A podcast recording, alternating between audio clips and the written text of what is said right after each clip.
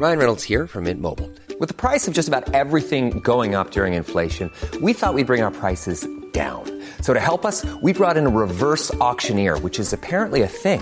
Mint Mobile unlimited premium wireless. Ready to get 30, 30, bit to get 30, bit to get 20, 20, 20, bit to get 20, 20, bit to get 15, 15, 15, 15 just 15 bucks a month. So, Give it a try at mintmobile.com slash switch. $45 upfront for three months plus taxes and fees. Promo for new customers for limited time. Unlimited more than 40 gigabytes per month. Slows. Full terms at mintmobile.com. Då var han här och jag, jag är djupt orolig. Han säger jag är jätteladdad. Eh, och, och sist han var med, jag, av, jag tror vi hade 70 000 lyssnare på den där. Eh, förra gången det var här Alexander Bard. Och idag är han sjukt laddad. Han, Idag är jag sjukt laddad Paolo. han, det har börjat redan innan. Och, och plus att jag har gjort ett manus här som du bara har skrivit om. Det här ska vi prata om. Eh, du vet att jag älskar det. Vi har jävligt mycket att snacka om idag du och jag. Ja, men vi pratar lite om det. Vi, vi är liksom två olika delar av manligheten. Vi, vi, är två viktiga delar i en stam. Eh, så, och och det, det känns verkligen att vi, vi hittar varandra fast vi är rätt olika arketyper av män. Liksom. Jag brukar säga att det är du som är hövdingen Paul och jag som är prästen. Ja, men, Och då blir jag så här blyg och säger, nej men jag är väl inte en hövding. Det är du som är hövdingen. Det är precis det hövdingen säger. Nej, inte jag inte. Och prästen säger faktiskt samma sak. Alltså, nej, jag är bara en enkel liten munk, jag är inte prästen. Nej, Nej men, men, men jag tror att vi, vi har två olika perspektiv liksom, från det här liksom, manlighet och, och du driver en mansrörelse, du har startat kloster berättar för mig. Berätta. Ja, det, det kan jag berätta väldigt mycket om. Men, men framförallt ska jag säga att jag kom ju från Bayern. Jobbar där nere nu med några killar som gör någonting som är ganska likt du håller på med. Eh, de jobbar med att få ner grabbarna i kroppen. Det tror jag är viktigast av allting för killar idag. Och det är den största faran. Jag är ju den där killen som gick upp i huvudet. Och sen knallar jag och dansar och simmar håller igång min kropp så den får röra på sig också. För det ska man alltid göra. Men, men jag är väldigt mycket uppe i skallen. Men jag gillar ju er killar. Sådana som du Paolo, som är nere i kroppen och tar ner andra killar ner i kroppen. För där ska man vara. Man men måste det- ha kontakt med sin kropp hela tiden. Och där i Bayern bygger vi en yogaakademi. Har inte du varit i Indien själv och kört yoga? Jag var, jag var faktiskt en och en halv månad innan och körde ashtanga. Det var, det var en superhäftig resa. Ashtanga är hardcore. Ja, och han, han, han, han som tränade, jag var där första dagen, kommer in på det här yoga-retreatet. Eh, och, om, om, alltså, och, och han tittar på mig och så bara tomorrow you come six o'clock. Ja. Så kom jag sex och, och säger att jag var sämst, då är det en förolämpning till den som var näst sämst. Alltså de, de, varje solhälsning gick de, gick de upp på händerna. Och han klagade på mig en och en halv timme där. Och sen så efter det var klart så tittade han på mig så här, you boxer? Ja, jag bara yes. Eh, you, you, you, uh, me, Kerala. Det är den indiska, det är ursprunget till all kampsport. Den kommer från Indien, inte från Kina och Japan. Nej, nej, det kommer från Indien allting. Indien är ursprunget till allt, alltså. Och så han och, you, you, you yoga sucks, my boxing sucks. I teach you yoga, I teach you, yeah, I, I, you teach me boxing, I teach you yoga. Så jag hade en lång resa där. eh, där Var var det någonstans? Sa Kerala? Eh, nej, nej, utan vi var i, eh, i vi spelade i Goa. Okej, bra. Och inte så långt ifrån. Go- Goa kan absolut köra ashtanga. Och om du ska köra hardcore så är Mysore, som ligger lite längre Ja, söderut, det. det. är liksom både yogans och meditationens huvudstad verkligen i Indien. Men framför allt ashtanga-yogan som kommer därifrån. Och där får du alla de skolorna som gör ashtanga. Och här är grejen med ashtanga. Alltså att den är gjord för den manliga kroppen. Och problemet med ashtangan har varit att många tjejer ger sig kast med den som ska vara tuffa tjejer i Europa och USA. Och jag jobbar med, med en eh, kvinnlig yoga från USA. Hon heter Summer Faye. Hon berättar för mig att de har jättemycket skador på tjejkropparna när de kört ashtanga 4-5 år. För den är gjord för manskroppen egentligen. Tjejer ska hålla på med mycket mjukare saker. Egentligen kan tjejer hålla på med bara pilates hela sitt liv och klara sig bra på det. Men killarna måste ha, ha kraftfullare program och därför ashtanga är så bra. Jag skrev en yo- yogabok för tusen år sedan. Eh, och, och det var så, alltså den, den så bara ville jag liksom promota för män. Att det, det är bara tjejer som håller på med på, När jag började var det typ bara tjejer. Men, och jag vill promota för killar. Så här, bör, börja med yoga. Så, så här, yoga är faktiskt skapt av män för män. I Indien är det ju män som håller på med Ja, yoga. och det är så alltså det är ramaskriet när jag liksom konstaterade ett historiskt faktum. Folk var så arga så att det liksom, nej, men det var något helt sjukt av de här yogatjejerna. Och jag sa inte att tjejer skulle, skulle, skulle inte hålla på med yoga. Jag sa att m- män kanske skulle börja. Tjejer ska sträcka på sig. Ja. Ja. Jag, jag, jag brukar säga Lite stretching på jag, gymmet, men ja. jag, bru- jag brukar säga så här, man, man, ska, jag tycker tjejer, man ska byta lite. Killar ska hålla på med, med yo- yoga tjejer ska ly- lyfta lite mer skrot. Då, då blir man bättre på allt. Jag Tjejer behöver bli starkare, killar behöver bli smidigare. Nu ska jag få en nyhet då, eftersom jag håller på att jobba med Bayern och lär mig allt om yoga nu. Ashtanga, alltså popvarianten på the real thing. I know. Det heter Nath. Okej, så Nath är stenhård eh, indisk militäryoga. Det är bara killar som gör Nath. Och det är det vi utvecklar på, den här, eh, på det här stället i Bayern. Och killarna som gör det, två bröder som heter Schaller i efternamn. De heter Bastian och Lukas Schaller. De är fantastiska att jobba med. Och Lukas Schaller är den som så småningom kommer sätta hela det här programmet online gratis. Så alla killar i hela världen kan kolla på honom och lära sig göra allting som är Nath-yoga. Och det är rätt stort, för jag sa till killarna, jag satte ner deras tredje kompanjon som jag bjudit in en affärsman från München. För att de ska skala upp där och liksom bygga större. De bygger ett kloster för killar. Och så bygger de en, vad som kallas en household community. Där män och kvinnor gifter sig, bor ihop, har barn i tre generationer. Som är mycket, mycket stadigare än våra löjliga kärnfamiljer. Så de bygger båda de här grejerna i Bayern. Det, det är vad den här rörelsen handlar om. Men för det är intressant. Det men. Nath är, Nath är så bra då, eftersom det är så hårt. Och jag sa till killarna, ni skulle kunna patentera det här nu, skulle kunna döpa det till Schaller-tekniken, ni skulle kunna tjäna miljoner. Är ni verkligen säkra på att ni vill ge bort allt ert hårda arbete för att utveckla en västerländsk Nath-yoga-teknik? Då sa killarna, utan tvekan, vi ska ge bort allting gratis, för det här är vad den västerländska mannen behöver. Men du vet vad, hur yogan sprids in? Från början var det bäst för meditation och sånt där. Men det är ju den indiska fredsrörelsen som då vill göra, alltså det fanns ju då eh, Gandhi med, med liksom non-violence, men det fanns ju också en del av den indiska frihetsrörelsen som ville frigöra sig med våld.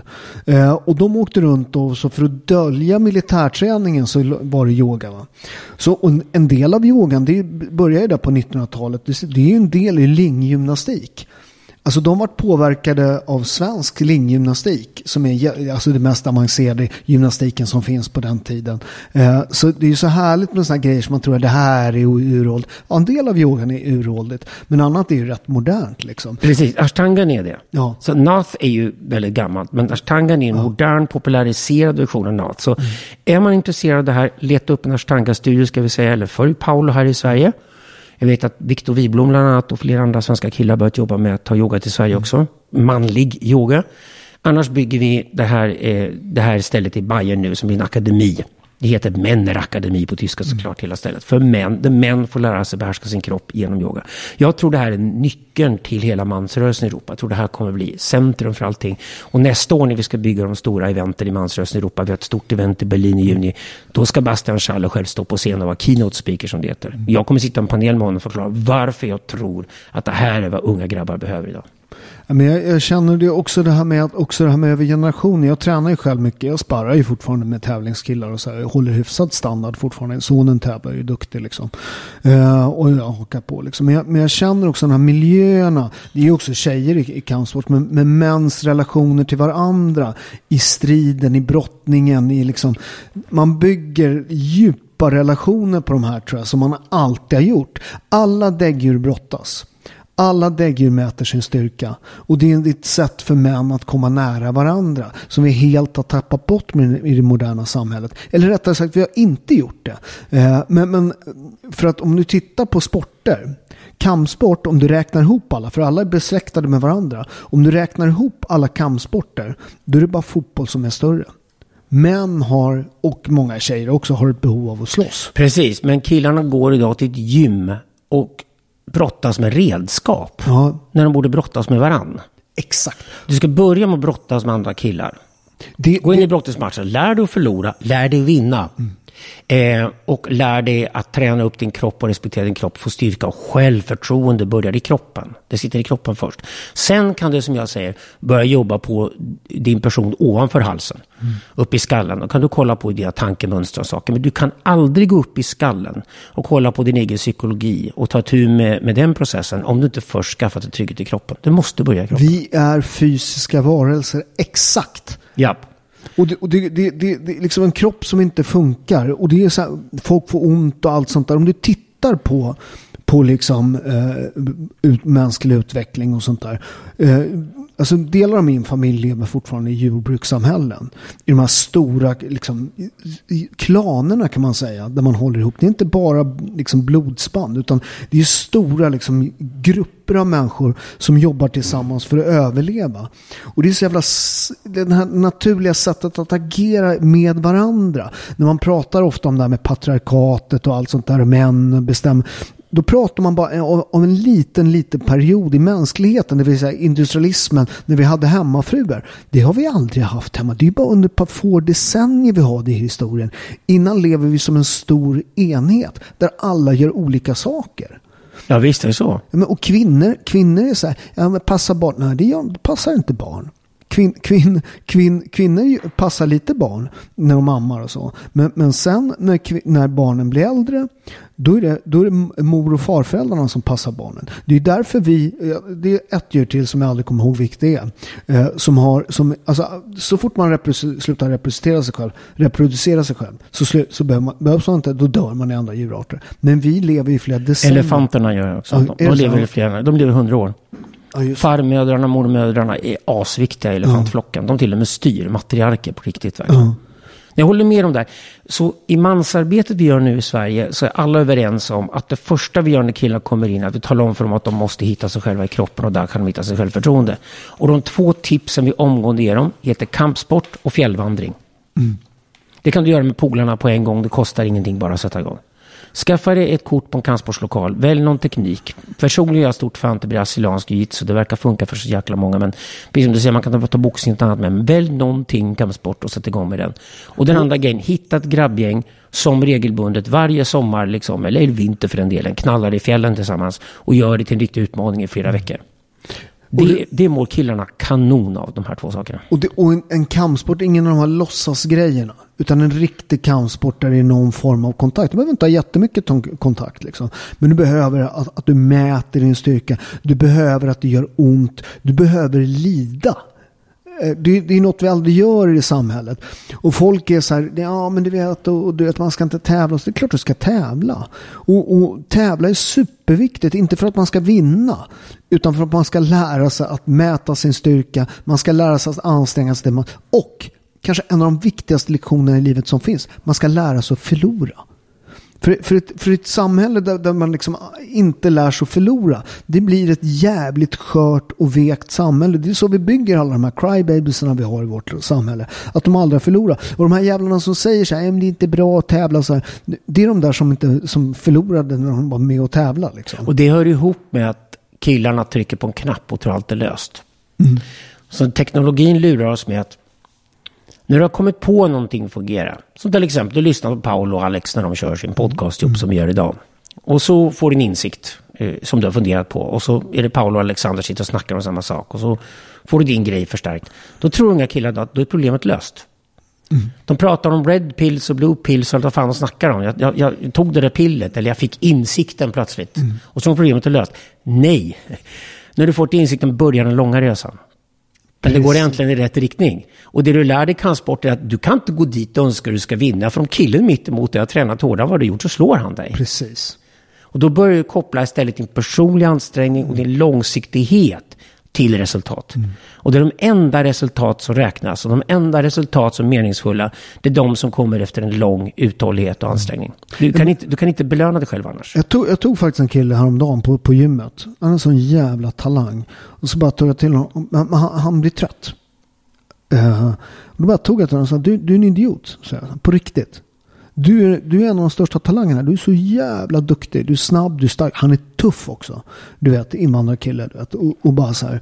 Eh, men du tränar ju för fan. Du, du you gas out. Du blir trött liksom. Och jag ska berätta för dig. Jag har, jag har tränat sedan jag var sju år. Jag har gjort 600 matcher. Alla de där killarna som var som du, som är talanger. De kommer ingenstans. Utan en dag kommer du möta en kille som mig i en lång match. Du kommer vinna de första ronderna. Sen kommer jag komma ikapp. Det kommer göra ont. Du kommer vika ner dig för du är trött. Och, och, du vet, alltså det du har, talang, det har inte alla. Men att kunna träna hårt, att vara fysiskt stark, det kan alla. Tyvärr är det jättekonstigt att inte folk är mer vältränade. Det, det, för, för, att det går alltid att lösa. Du kan träna hårt. Att vara snabb, att vara explosiv, att, att vara teknisk, det är kanske något du är född med. Men att vara vältränad, det, det, och det, alltså min resa med kampsporten har lärt mig så mycket om mänskligheten. Med alla de här talangerna man har tränat med. Som, som, som aldrig gjorde jobbet. Du vet, du vet Hard work will always uh, beat talent if talent doesn't work, sa de. Det är exakt likadant i musikbranschen kan jag säga, mm. eller bokbranschen det jag är nu. Det är faktiskt likadant i vilken bransch du än ger dig in i som kille. Det kryllar av talanger som inte har någon uthållighet och de försvinner med en gång. Mm. De klarar sig inte. Du måste ha talang för att lyckas. Men det räcker med lite talang om du sen kompenserar med hårt arbete. Mm. Och du kommer alltid få respekt av alla andra grabbar om du anstränger dig. Det kommer du alltid få. Så gör det mesta av den talang du har, då har du också störst chans att lyckas i livet. Mm. Det gäller alla branscher du går in i. Det finns ingen skillnad. Uthållighet är nyckeln till allt. Nej, men det är det eh, idrotten lär en. Liksom. Det, det, jag tycker att alla ska idrotta, inte för att bli världens bästa idrottare. Men att lära sig att... Alltså det, är så, det finns ju få ställen i samhället nu det är så här, okej okay, jag gör det här och det ger det här resultatet. Det, det, idag är det så här, men alla, ja men ja, du vet. Och så, Vi är ju nomader. Ja. Vi är nomader, biologiskt, i botten, i grund och botten. Så att vi ska vara i rörelse.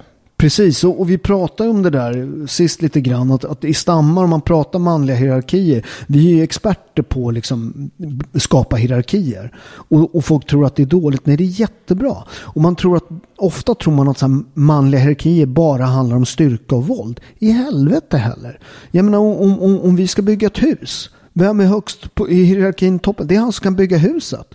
Jag som är stark, jag får lyfta tegelstenar. Jag är rätt långt ner i den här hierarkin. Och så vidare. Och i ett, i ett bra samhälle, i en bra manlig liksom, miljö, där, kan man, där, där har man lärt sig att okej, okay, det här är hierarkin, här anpassar jag mig till den. Uh, och, och, vill jag, vill jag liksom skapa en lite högre position här, då anstränger jag mig, då gör, gör jag bättre.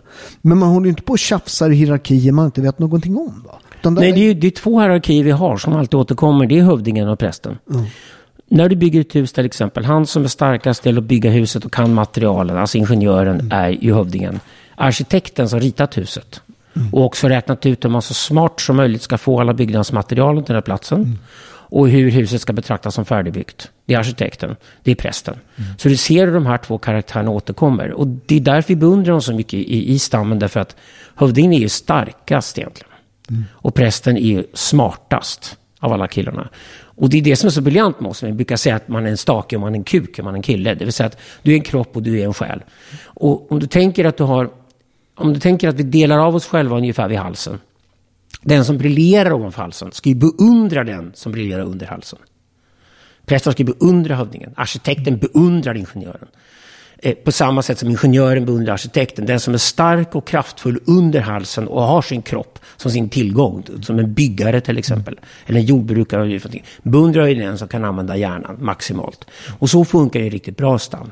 Det funkar ju på det sättet. Alla stora historier som tar Moses och Aron som leder liksom det utvalda folket ut ur Egypten till förlovade landet. Har en syster som heter Miriam, det är matriarken. Det är en figur, matriarken är alltid en figur. Och så är det två stycken patriarker vi pratar om jämt. Och det är Moses och Aron perfekta exempel på. Den ena prästen, den andra hövdingen. Och då återkommer alltid till att vi killar får respekt bland andra killar vi träffar från de som är starkast och de som är smartast. Men och det, eh, eh, jag, förra skörden av oliver startar ju. Vi åker på lördag, sen startar nästa vecka. Och det är så häftigt. Förra året var en som är eh, min grabb. Och han är ju 19 nu och är 1,90 och rätt muskulös, liksom, tuff snubbe. Du vet när han kom upp på berget och de får se 1,90 kille bred över axlarna. Du vet, han gick, han gick på ett par minuter från att vara pojken till att vara en av männen. Det var en sån jävla häftig... Och där mäter de, de, de tittar, du vet det här är en av de värsta maffiaområdena som finns i Italien. Det här är en sån riktig sån här hederskultur liksom. liksom ställe. Och, och där är liksom en kille som är 1,90. Han är fysiskt beskydd. Han är eh, labor, det vill säga han kan lyfta, lyfta liksom oliv. Det är tungt jobb, man lyfter en och en halv, ett och ett halvt ton på en dag där. Så det är en jävla hårt jobb liksom. Och det, man måste hålla fokus. Och det är så jävla häftigt att se hur folk liksom har sin liksom position i den här skörden. Och liksom, alla hjälper till, från tanter till liksom små barn. Alla är där på berget och plockar oliver. Eh, och, och, folk även som är så här, om du är läkare i, i Milano så har du sålt din mark. Men du behåller en 30-40 träd, åker dit under en helg, plockar allting och så har man oljat hela året. Och den traditionen och den så här ursprungliga liksom manligt, kvinnligt, ungt. Alla, alla har en position liksom. Man, man har tanterna som är som så här eh, radar. Tramp, du vet för att vi gör in olivolja av hög kvalitet. Då får man inte trampa på oliverna. Tack, jag har olivoljan hemma. Ja, Jag fick den sista. precis. Och du, du ska få, jag ska komma med, med den nyskördade. Du ska få en bok av mig istället. Ja, men det, det, det är ett bra byte. Hjärnan byter muskler. Eh, vad heter det? Men, men de, du vet, trampar på en oliv där, de är som ett jävla liksom, larmsystem. Du vet, sist jag fick en utskällning där av någon tant när jag trampade på oliver på min egen mark. Och jag bara har lust att säga så här, du, det här är min mark för fan. Jag trampar på hur mycket jag vill på mina oliver, men det skulle jag aldrig våga. för matriarken är ingen man tjafsar med. Nej, och stammen slår markägandet också. Det är Ja. inte din mark till syvende och sist, det är stammens mark som du bara disponerar. Och det, och det är så häftigt. Och man har alltid, de hjälper alltid till. Och det är så här, du vet man, man jag ska ju ner när jag åker på lördag och sen så ska jag göra lite små grejer i andra affärer och köpa, liksom åka och titta. Men då är det så här, ja okej, ja, jag kommer på lördag, bra, då kan du hjälpa, Antonio har ramlat från ett träd och brutit, han, han vår 75-årig granne liksom. Han har brutit ett ben så du måste plocka hans mark också. Inte ens min släkting för fan. Men det var inget snack, jag måste plocka hans oliver. ja, och, men om jag ramlar och byter benet, då plockar de mina oliver också. Vi hade det här i vår kultur, men i början på 1800-talet så kom ju de preussiska byråkraterna i Tyskland då, kom ju på att om vi slog sönder byarna och byggde enskilda gårdar istället. Mm. Eh, och vilket man gjorde, alltså, man byggde om hela svenska landsbygden. Ungefär som de kommer bygga om våra förorter innan den här nuvarande gängkrigen och allting är över. Det kommer de göra till slut. Man byggde alltså om den svenska landsbygden och man byggde de separata gårdarna. Och så uppfann man kärnfamiljen. Det ska vara en han och en hon och de ska vara kära varandra hela livet och hålla upp. Och sen ska man ha en gård och där ska man leva i ensamhet. Det är också början på det. Då försvann också det här från den svenska landsbygden. Visst, landsbygden blev ännu produktivare. Man producerade ännu mer spannmål och vad man nu skulle göra. Ännu mer potatis. Men, men eh, det blev en extrem sönderslagning av, av sociala relationer i Sverige. Och den svenska individualismen är av det slaget att man sitter isolerad i sin gård eller numera isolerad i sin lägenhet. Vi har den högsta andelen ensamboende i världshistorien i Sverige idag. Och inte minst unga killar som bor ensamma mår jävligt skit av det. Alltså. Och det har vi fått därför att vi hade det här skiftet i jordbruket här i norra Europa. Det gjorde inte italienarna. Vi hade det i norra Europa. Vi fick ökad produktivitet. Vi kunde skicka massa utvandrare till USA. Vi kunde fylla våra städer med folk som jobbade i fabriker och det blev stor ekonomisk tillväxt. Men vi slog alltså sönder de sociala relationerna jävligt hårt med skiftet. Läste- Skiftet, sk- skiftet ska ni läsa på om. Så googla och kolla skiftet, skiftet i jordbruket. Det är alltså tidigt 1800-tal där sker. I, framförallt i Sverige och Tyskland ser man det mönstret tydligt. Och det, det är det tror jag ligger till den här ensamheten som inte minst killar kä- känner i vår kultur idag. Var fjärde människa som dör på sjukhus i Sverige dör själv. Förstår Ja, det är fruktansvärt. En av de viktigaste stunderna i livet när du behöver en hand att hålla. Ja. Då är det ingen där. Det ska finnas en kvinna där som kallas en dödsdola. Nu utbildas de i snabb takt och jag tycker det är fantastiskt för det behövs. Ja. Det behövs någon moderlig figur som finns där och håller i handen. Och får det att släppa greppet om ingen annan är där. Ja, det, det, och, det, här, det är det här problemet med att sven, alltså vi har lagt över allting på staten. Jag har sagt det förut, men staten har inget hjärta. Här kommer vi in på det intressanta jag ville snacka med dig om idag mer än någonting annat. Du är ju italienare från början. Och har katolsk bakgrund. Japp. Jag tror nämligen att det är en sån här stor fråga som vad har hänt med den svenska mannens själ? Har han ens någon själ kvar? Det är det jag undrar. Och jag tror det problemet går tillbaka hela vägen till Gustav Vasa. Och då pratar vi alltså om 1600-talet och så tidigare. 1523. Just det, det 1500-talet, men 1600-talet slår det igenom. Det Gustav Vasa gör när han gör om den svenska kyrkan till en luthersk statskyrka. Lägg märke till det. Det var inte separation av stat och kyrka längre, utan kyrkan ställdes under staten. Precis. Och han tog en ärthjärna som heter Laus Petri och satte in honom som ärkebiskop. Och slängde ut påven och katolicismen i Sverige. Då stängde han alla kloster. Och här är grejen. När killar rör till det för sig, i alla kulturer jag levt i, och jag har levt mycket i Asien inte minst, så går man i kloster. Man avsätter en period av sitt liv, man har hört till det för sig och då går man i kloster. Och det är klostermiljön man går från pojke till man. Och man får lära sig vad som krävs av en för att man ska kunna vara man och gå ut i livet igen. Och vad det krävs av för att en kvinna ska tycka att man är attraktiv och gifta sig med och kunna ingå äktenskap och liksom vara, vara en del av samhället. Eh, vi slog sönder klostren. Och ersatte något som heter kronan på den tiden. bara, får jag bara sticka Mm. emellan där? Och svensken är skitförbannad. För att gre grejen är att det här med vi läser nu att, vi, att du, Gustav Vasa eh, befriade oss från det katolska oket. Det där är Olaus Peter. Det där är, det är, protestant, det är en protestant. Det är en ren lögn. Det är, det Det är en ren lögn. Det är för fan propaganda. Alla, alla DAC-upproren. Eh, DAC-upproren, i, i vad vi fick lära oss i skolan, det var för skatterna att de var missnöjda. Men ofta har man censurerat nummer två på Dackes kravlista. Han skriver, väldigt roligt skriver han till och med, de vill ha tillbaka mässordningen i gammal god sed. För snart kan en bonddräng vissla mässan bredvid en gödselkärra. De tycker inte om. Och de, och de här klockupproren i Dalarna. Du vet, förstår du? Alltså, alla de här grejerna, silver och guld och grejer i de här Det är ju för att man ska komma dit och liksom tycka att det är vackert, få kontakt med Gud. Man har skänkt saker eh, i, århundraden till de här kyrkorna. Som då, det, det tillhör ju församlingen. Det är ju där alla rika människor går och ger sin rikedom så den blir allas tillgång. Det, det är de, när kyrkan sen får ha grejerna och de finns där och du är delägare i det för att du är medlem i kyrkan. Då känner du att det är ditt. Och det är ditt ihop med de andra. Det är vårt. Och det här slog Gustav Vasa sönder. Han ville komma åt tillgångar fort som fan. Och det enkla sättet var att köra ut katolicismen ur Sverige och göra Sverige till den första lutherska staten. Problemet var bara att Gustav Vasa gjorde det till en ren diktatur och byggde en extremt stark kronan, som det hette på den tiden. Den ärvde socialdemokratin på 1900-talet och tog över och kallar staten. Precis. Och vi har alltså bara en enda makt i Sverige. Och den heter staten. Och nu vill jag säga någonting lite provocerande här, men det här tror jag är väldigt sant. Vad är det som får svenska män att betala så mycket skatt som de gör? För det är män i Sverige som betalar skatten och det är tjejerna i Sverige som får bidragen. Då måste det ju finnas en undermedveten kalkyl här. Att killarna betalar skatten för att få fitta. Okej?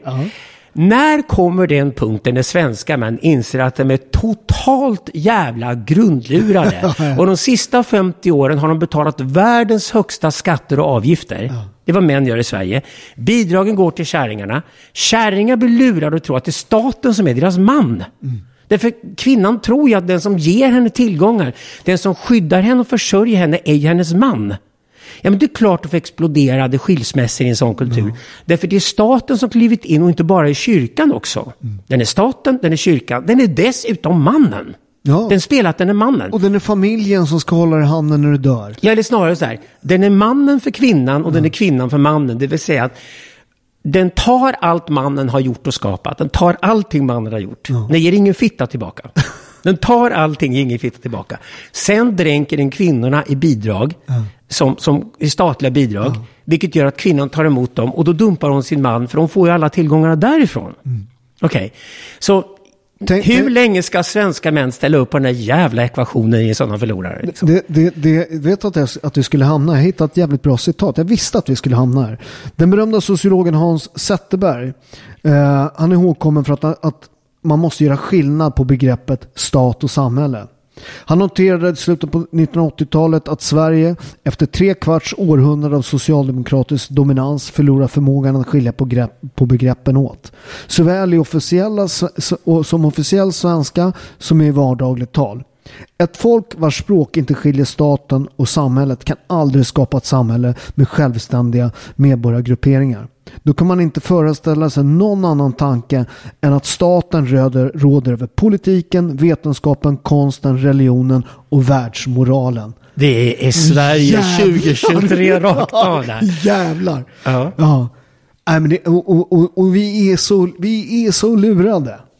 Jättelurade. Och staten är alltså den stora tutten. Jag är stora jävla... Och, och, jag, Och som alla tuttar måste de få in energi någonstans ifrån för att fyllas med bröstmjölk som de sprutar ut till medborgarna. Och var får den den ifrån? Det är framförallt män som sliter väldigt hårt och betalar väldigt mycket skatt Ja, men och, och- ställer upp på det. Och det är helt otroligt. Och får ingenting för det. Sverige har eh, en kapacitet på IVA på, på 4,9 personer per 100, invån, eh, per, per 100 invånare. Genomsnitt i övriga europeiska länder 11,4. Vad får vi för skattepengarna? Inte, Ingenting. Inte fitta. Inte killarna i alla fall. Och de får inte fitta heller. Inte fitta och du får ingen, får ingen doktor. Tjejerna omprogrammerar och tror att staten är bättre att gifta sig med än mannen är. Och därför kvinnorna lämnar männen och löser ut skilsmässor. Och så lever de i bidragssystemet. Men vi får ett könskrig i politiken. För killarna nu, inte minst de som följer dig och mig, unga grabbar idag, går till höger. Ja. Tjejerna går till vänster. Egentligen så är jag marxist från början, det spelar ingen roll här längre. Jag, jag kallar mig numera öppet för extremhöger-marxist. För det enda, stä- enda stället man kan vara marxist idag på riktigt extremhöger. Jag tror Johan Gärdebo och några andra killar håller med om det här. Vi har några i Sverige och England med som kallar sig extreme right marxist nu. Men det enda stället man kan, man kan ha en klassanalys från det från högerperspektivet. Men det är helt enkelt så här att det måste komma till ett skatteuppror där vi måste krympa den här enorma staten. Och om vi krymper staten och dess makt och inflytande på riktigt och vi fattar att vi ska inte ha något envälde. Vi ska inte ha en statsapparat med statstjänstemän och politiker som bestämmer över varenda detalj i våra liv. Vi ska absolut inte ha någon polisstat. Nu står Ylva Johansson i Bryssel och vill införa en polisstat i hela Europa. Det är en svensk socialdemokratisk kvinna som är tyrannen i vår tid. Hon vill avlyssna allt vi säger och gör med varandra. Ha full kontroll över det och skyller på barnporren som de alltid gör, de här falska politikerna. Ja.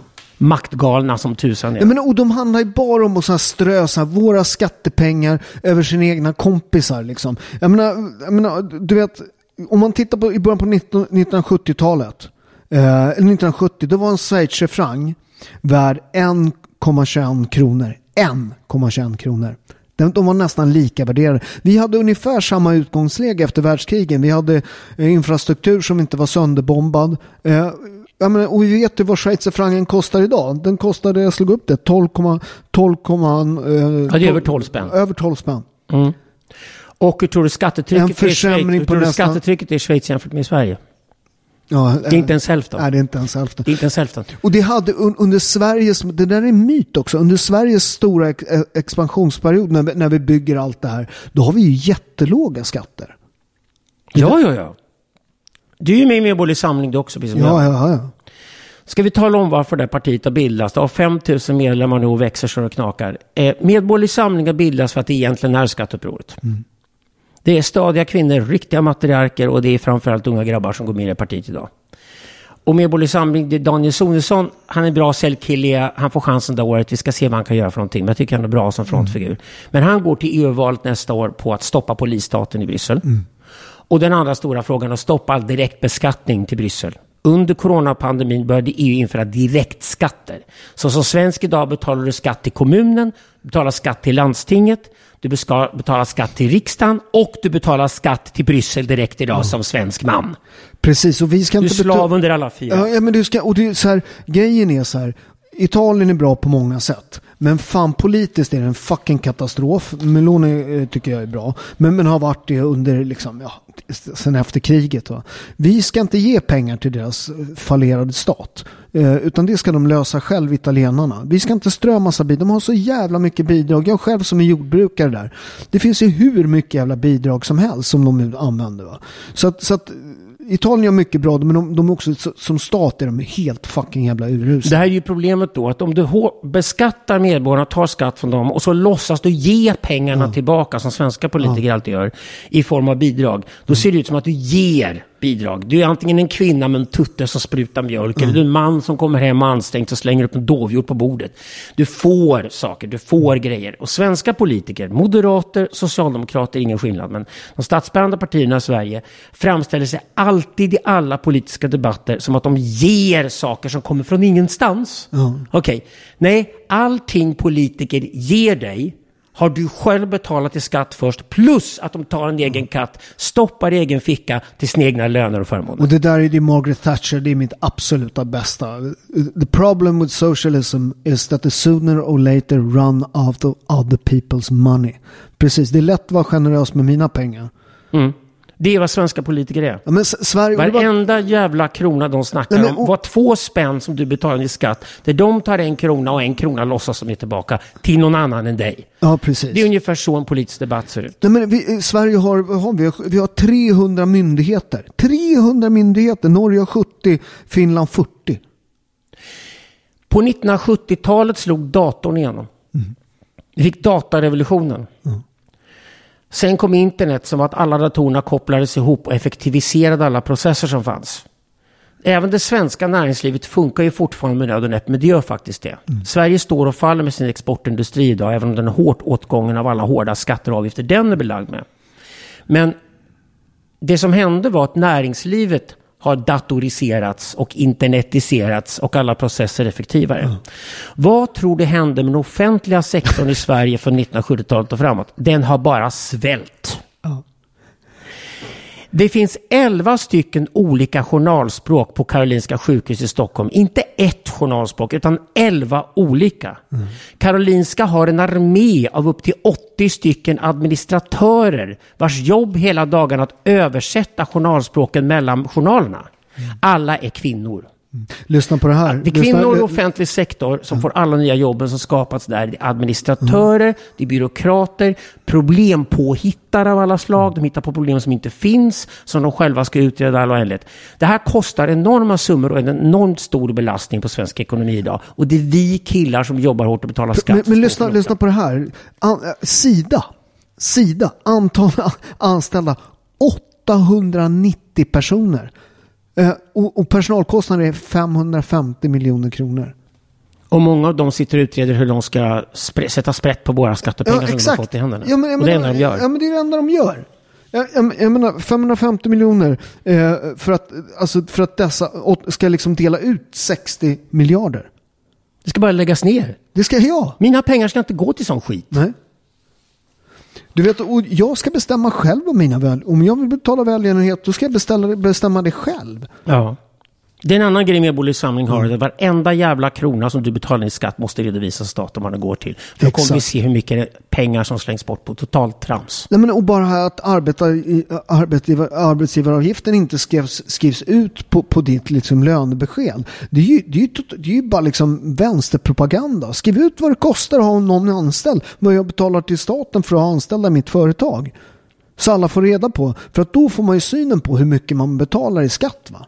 Plus att staten sätter upp apparater överallt som registrerar vad du gör och sen tar betalt för det. Vägtullar och liknande överallt i vårt samhälle. Det är också skattehöjningar. Ja, ja. Det är också pengar vi betalar i vår ficka som går raka vid politikernas fickor som de kan spl- splasha bort på vad fan de vill. Jo, men för problemet är med alla, med sjukvården, med allting. Vi, jag som driver företag, jag vet ju så här, det är inte, alltså det, lösningen är inte alltid mera pengar. Det är bara... Nej, nej, men- nej. men- Och, och där också borgarna håller på att falla in i den här, alltså, ja vi ska ge det här till sjukvården. Lösningen heter ökad produktivitet. Precis. Och går in i offentlig sektor i Sverige idag så är produktiviteten otroligt låg. Jag vet- Otroligt låg. Jag- jag vet- Folk går till jobbet och gör ett par grejer, låtsas vända papper och så går de hem och så plockar de en fet månadslön. Så ser offentlig sektor ut i Sverige. Det är därför den offentliga sektorn har svält. Mm. Samtidigt som allt annat i samhället effektiviserats. Den måste krympas, den måste krympas rejält och den kommer bli bättre om man krymper. Men, och, för- och det är så här, fan, jag, jag, om, om man förstår hur företagare jobbar. Jag går upp, jag har PT-kunder ibland klockan sju. Jag går upp och jobbar sju, ibland slutar jag nio på kvällen. Och sen kan jag, eftersom jag styr min egen tid, kan jag ha någon paus under dagen och träna och sådär. Men, men jag jobbar jävligt hårt, jävligt länge. Eh, och betalar jävligt mycket skatt och får behålla jävligt lite. Och plus att, att vad som ännu mer irriterar mig, istället för att ha någon enkel platt skatt.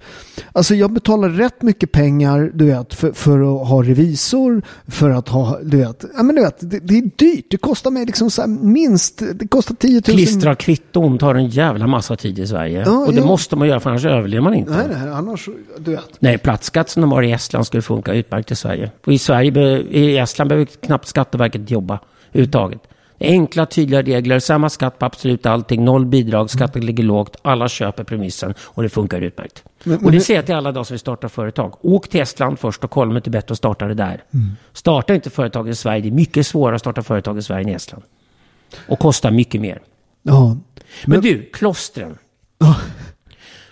Seriöst här alltså. Du kommer ju ändå från södra Italien. Och vad gäller killarnas andliga liv och deras tillhörighet. Eh, att tillhöra stammen, att tillhöra en community, att känna att man är stolt som man för att man har ett syfte med sitt liv och man känner mening och alltihopa. Jag träffar ju då i den svenska mansrörelsen en jävla massa killar som vaknar till liv. De sitter vid sin dator hemma i en lägenhet i storstaden, ofta ensamma. Har försökt med ett par brudar, det funkar liksom inte riktigt. De fastnar inte för det heller. De vet inte vad de ska göra och de känner sig jäkligt ensamma i upplevelsen. upplevelsen. Och de har ingenstans att ta vägen. Och då har vi satt igång mansrörelsen. Det är ungefär tio år sedan jag gick in. Vi har våra långhelger.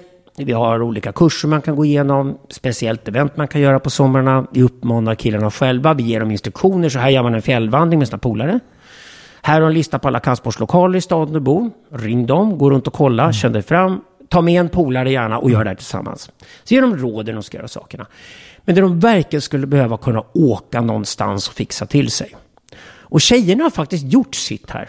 Jag tror tjejerna har bytt religion helt enkelt i vår kultur. Mm. Tjejerna har buddha-statyetter numera omkring sig. De har inte kors runt halsen längre. Men de har sina yoga och retreat och meditationscenter. Svenska landsbygden är full av sådana ställen dit tjejer åker för att fixa till sig själva och hitta sig själva igen och vara med andra kvinnor och sådana saker. Och jag beundrar tjejerna. Tjejerna har förstått att de måste hitta en andlighet. Att det blev aldrig sekulariserat, det var bara trams. De måste hitta en andlighet och de gör det jobbet tjejerna. Killarna måste få samma chans. Jag brinner för den här idén, vi ska bygga något mer permanent. Så att när killarna behöver tre månaders dygnet runt arbete för att hitta sig själva. Det räcker inte med tre dagar på någon långhelg någonstans. Nej, det, Då måste man bygga kloster och vi har inga kloster. Vi har inte haft kloster i vår kultur på 400 år. Så du har ingenstans där killarna kan fixa till sig själva. Det sista vi hade som liknade det var lumpen. Mm. Lumpen var ett, två år. Mm. Okej. Okay. Då fick du en chans i lite 20-årsåldern. Du fuckat upp det på högstadiet, mm. gymnasiet och klarade inte av det. Du kunde åtminstone göra lumpen och lysa där. Och sen kunde det vara men, material som tjejerna vill gifta sig Men om man börjar göra lumpen, min son gör ju lumpen. Jag vet. Bör, bör många, många skriver in sig. Det är kul att även tjejer söker till mm. hemvärnet med att fatta att Sverige måste försvaras. Jag beundrar alla idag som vill göra lumpen eller mm. söker sig till hemvärnet, de har långa köer. Gör det. Att vilja försvara sitt land både för killar och tjejer, fundamentalt värdering. Jag är stolt över alla er där ute idag som funderar på att göra det och gör det. Jättebra. Men när man ska fixa till sig själv behöver man klostermiljön. Liksom. En, en, parentes där. Det är den här vår, vår svenska okända soldatens grav. Som är, jag vet inte vad den heter, men, men den är gömd ute på, på där vid, vid Sjöhistoriska tror jag att den är. Alltså det är gömd. I alla italienska städer har, alltså de som har stupat för staden, för landet. Du vet, Madalone min lilla stad. Det är alltså Stora torget har vi en stor så obelix med alla namn under alla krig som har stupat. För, för att de, de har den finaste platsen i staden. För att de har gjort det, det yttersta vad offer. De har offrat sitt liv för Italien. Och inte ens ihågkomna. Och därför hedrar man dem. Den okände soldaten, största hjälten ja. av alla. Och man har ofta en evigt brinnande eld vid hans grav också. Ja, det har man. Siamo tutti caduti e abbiamo solo una... Un, un Men du, vi får bygga det. Ja, vi, vi har, det på, på vår står vi, vi, vi som alla stupat, stupat vi, har bara, vi har bara ett namn. L'Italia. Mm. Det är det här jag vill jobba med. Jag vill jobba med att bygga en svensk historia eller den svenske mannens historia. Tjejerna får bygga sin historia, det kommer de ändå. Men jag vill bygga den svenske mannens historia. Jag tror det är det som behövs. Och, och sen tror jag att vi måste hitta, det här könskriget måste liksom sluta. För att, för att det, där, det där är bara Alltså, det är folk inom media som har vunnit på det här. Liksom, offerkulturer. Den liksom. offentliga sektorn ja, har vunnit på det också. Ja.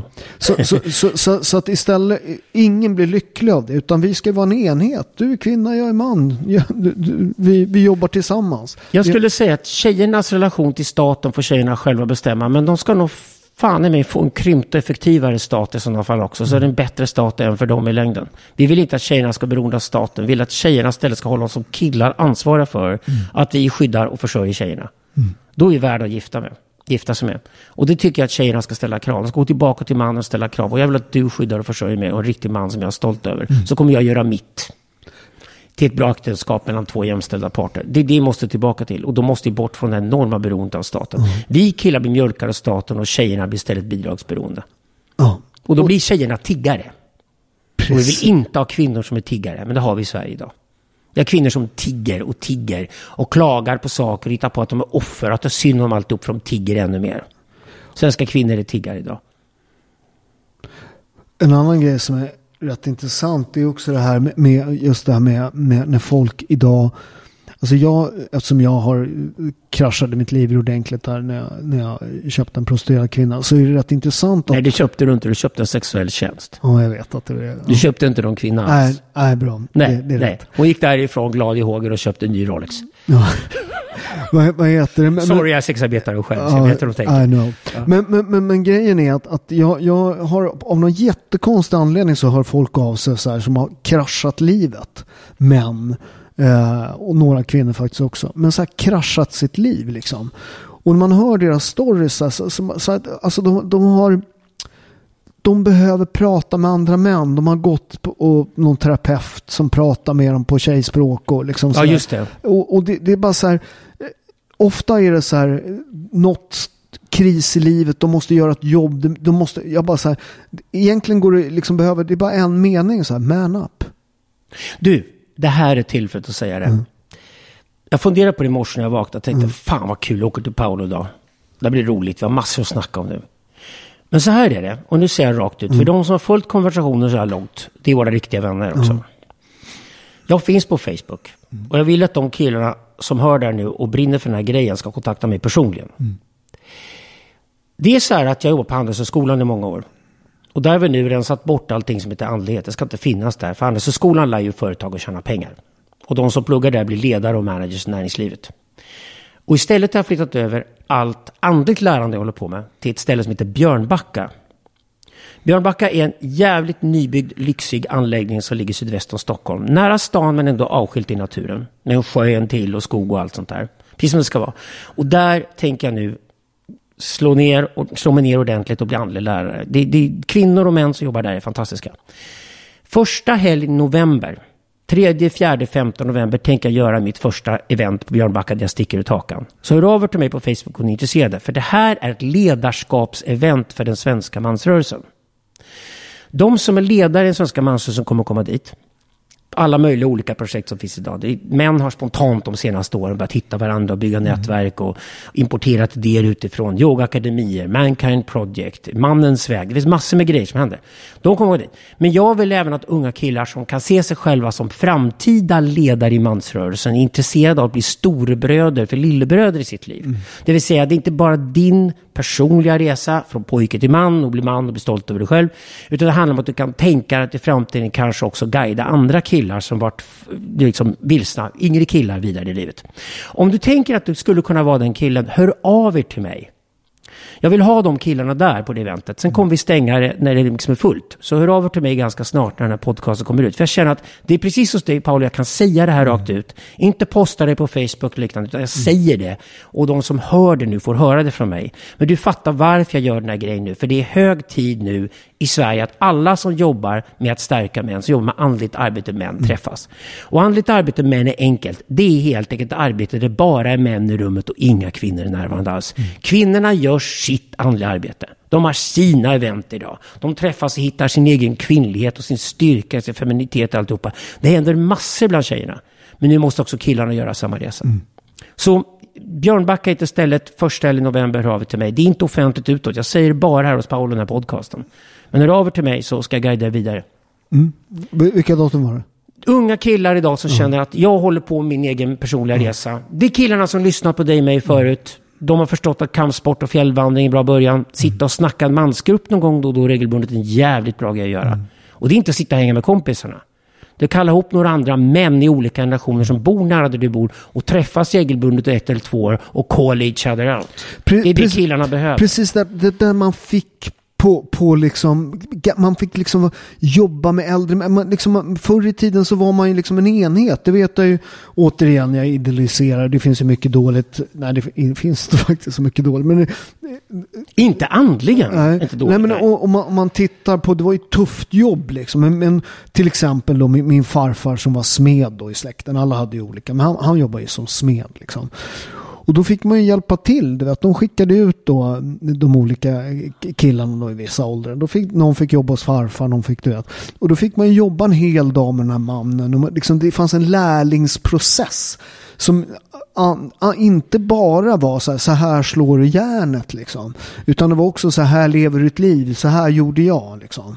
Ja, precis. Det, det, det stora ögonblicket är när mästaren och lärjungen eller fadern och sonen möts på det här sättet. Och, och lärjungen gör det på ett lite eget sätt och tror han har gjort fel. Och så vänder sig mästaren om och tittar på honom och sa, det gjorde du inte som jag gjorde. Nej, nej, förlåt. Nej, nej, det är briljant. Det där är du.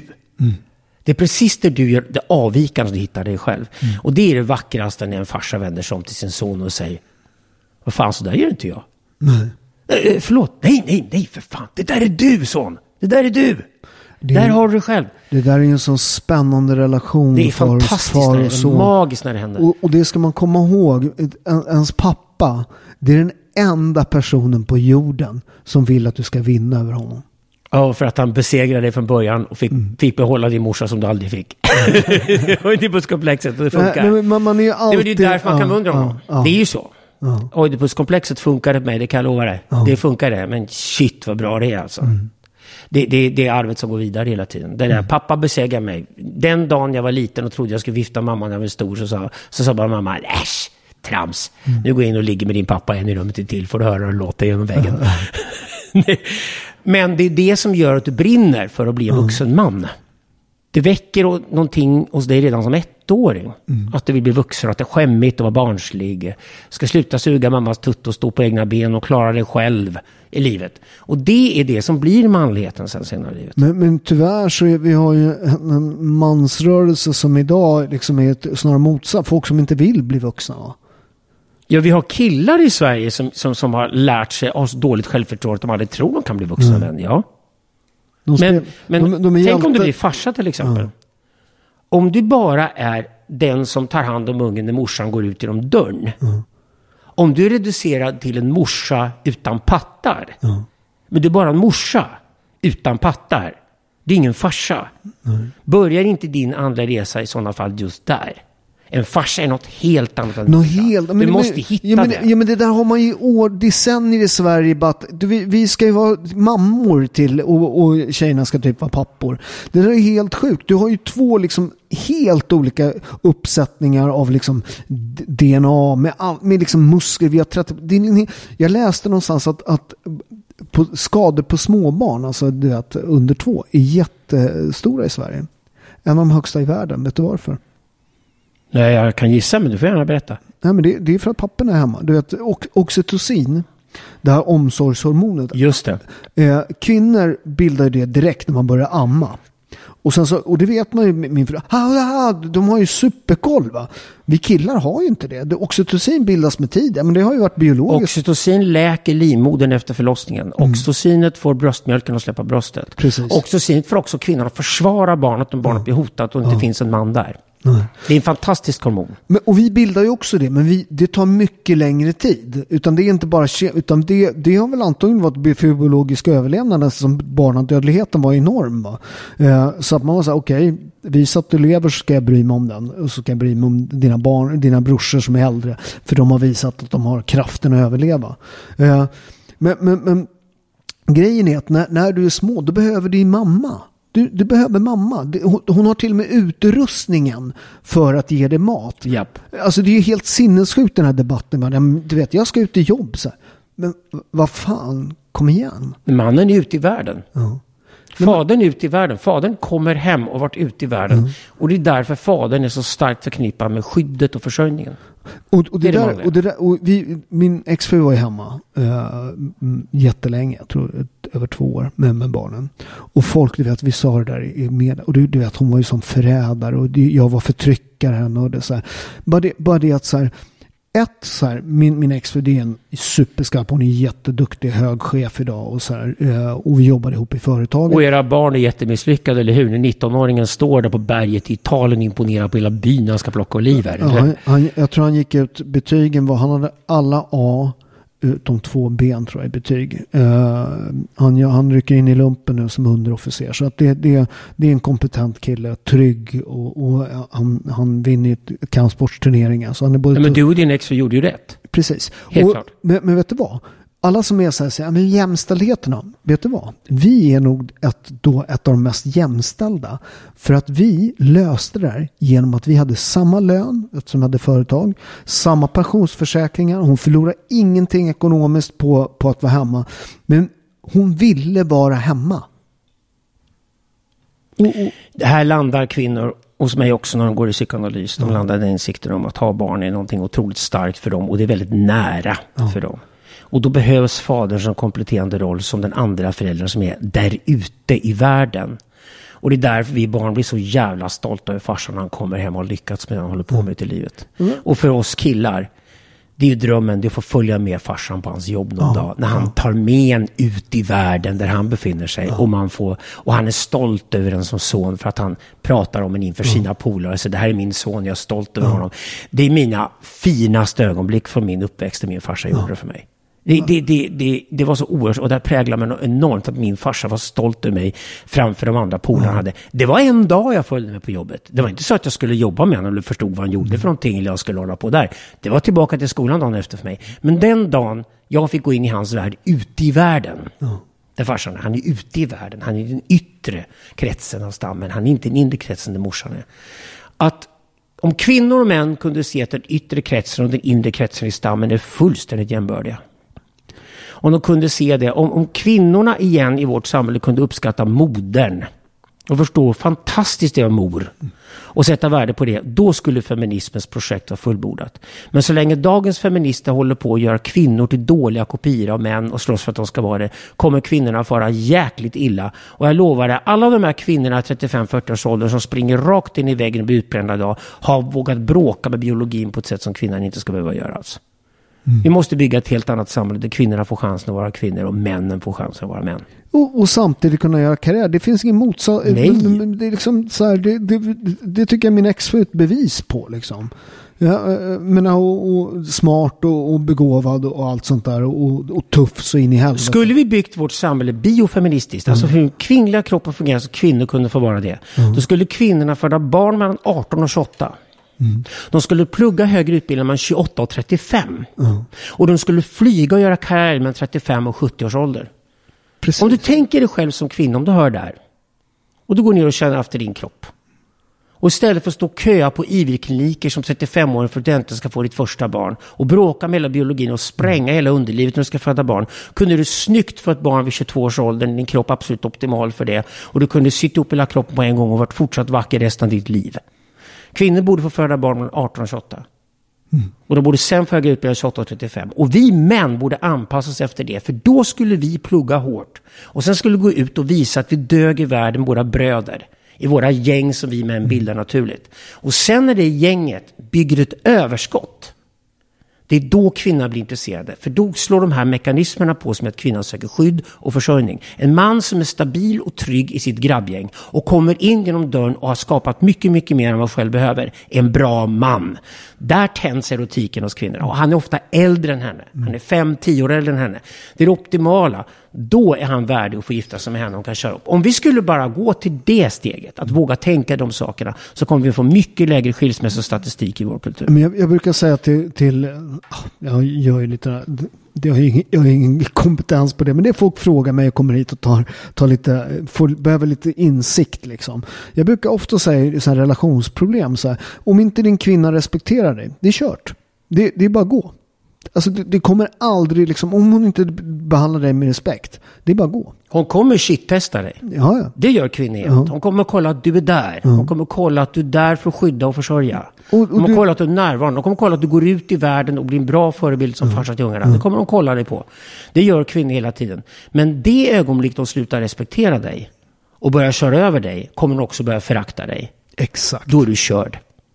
Det, och det, det är svårt med återvändo. Det går inte. Det går absolut inte om du inte själv går i kloster i månader och fixar det själv ihop med andra män och sen kommer tillbaka i sådana fall.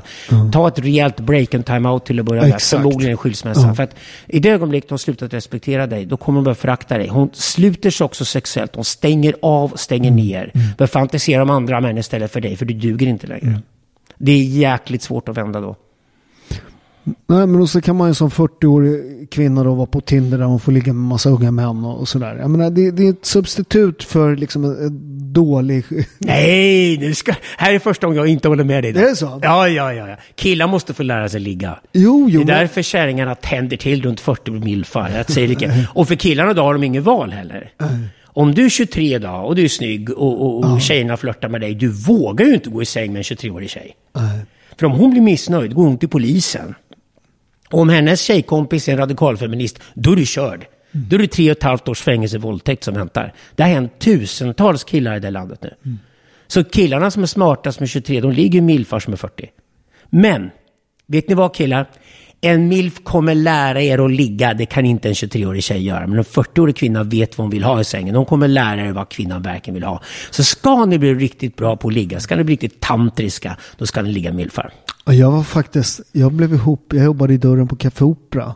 När jag var, eh, när jag var, jag började jobba när jag var 19. Jag kom inte ens in på stället. De anställde mig för, för att slåss med, med förortsgängen. Eh, och då var min chef där. Eh, hon, hon lämnade sin man för mig och hon var tio år äldre. Då fick man lära sig en slip sen skulle dras kan jag säga. Precis. Ja, det, nej, men det, var, det var en väldigt... Så jag tror biologiskt att det är så det funkar faktiskt. Att, att unga killar får ligga med äldre kvinnor. De ska inte ligga med unga tjejer. Det går inte att göra det. Ja, det, det, det, var väl, det var väldigt bra för mig. Jag fick lära mig mycket om livet och också en slipsen ska dras mellan lakanen. Liksom.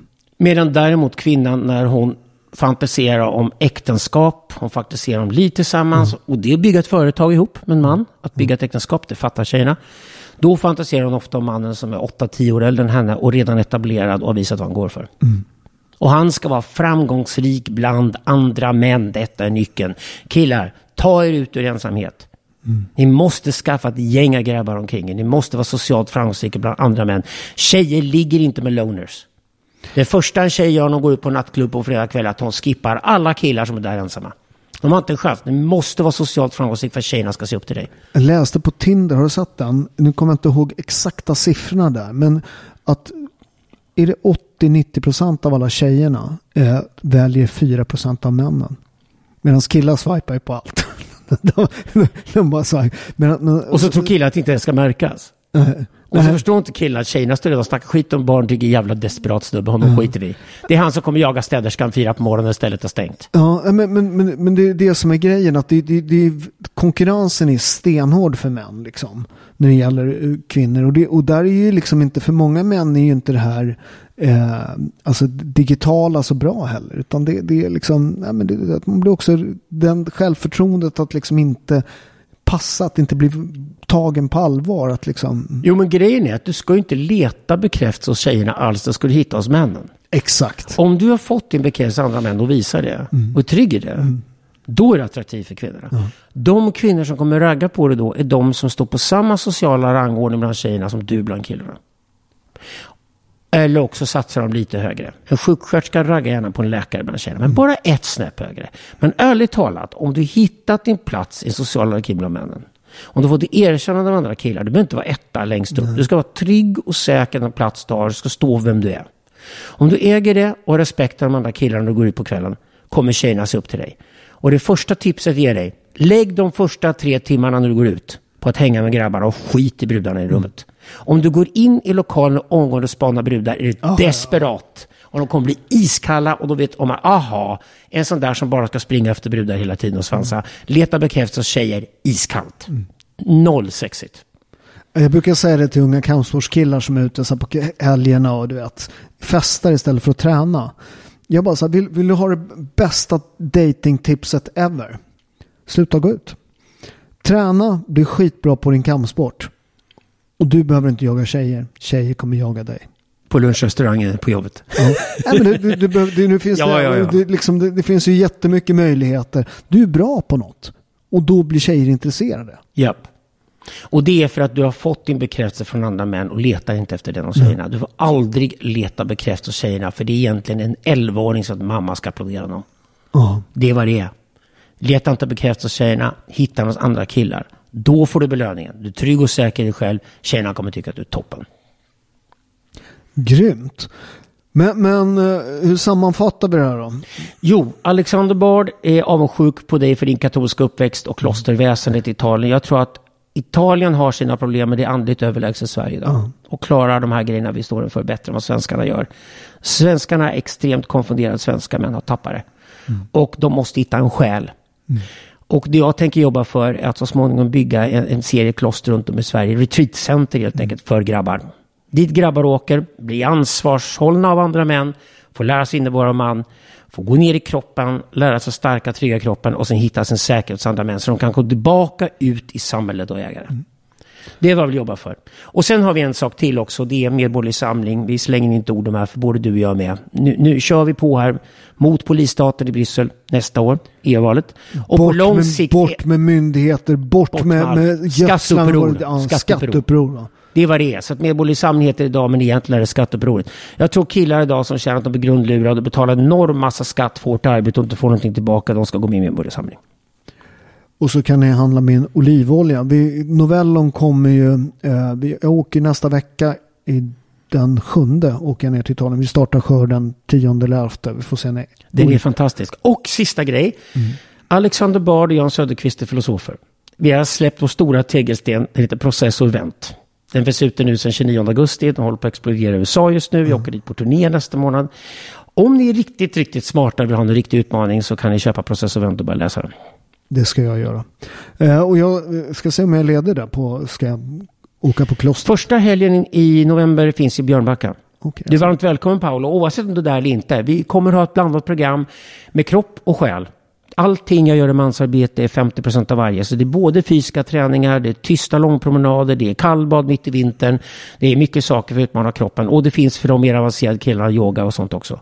Och sen har vi också rent det mentala. Och där tänker vi sätta oss ner på en stor, på, som på ett stort ritbord. Och rita upp den svenska mannens historia de sista 400 åren.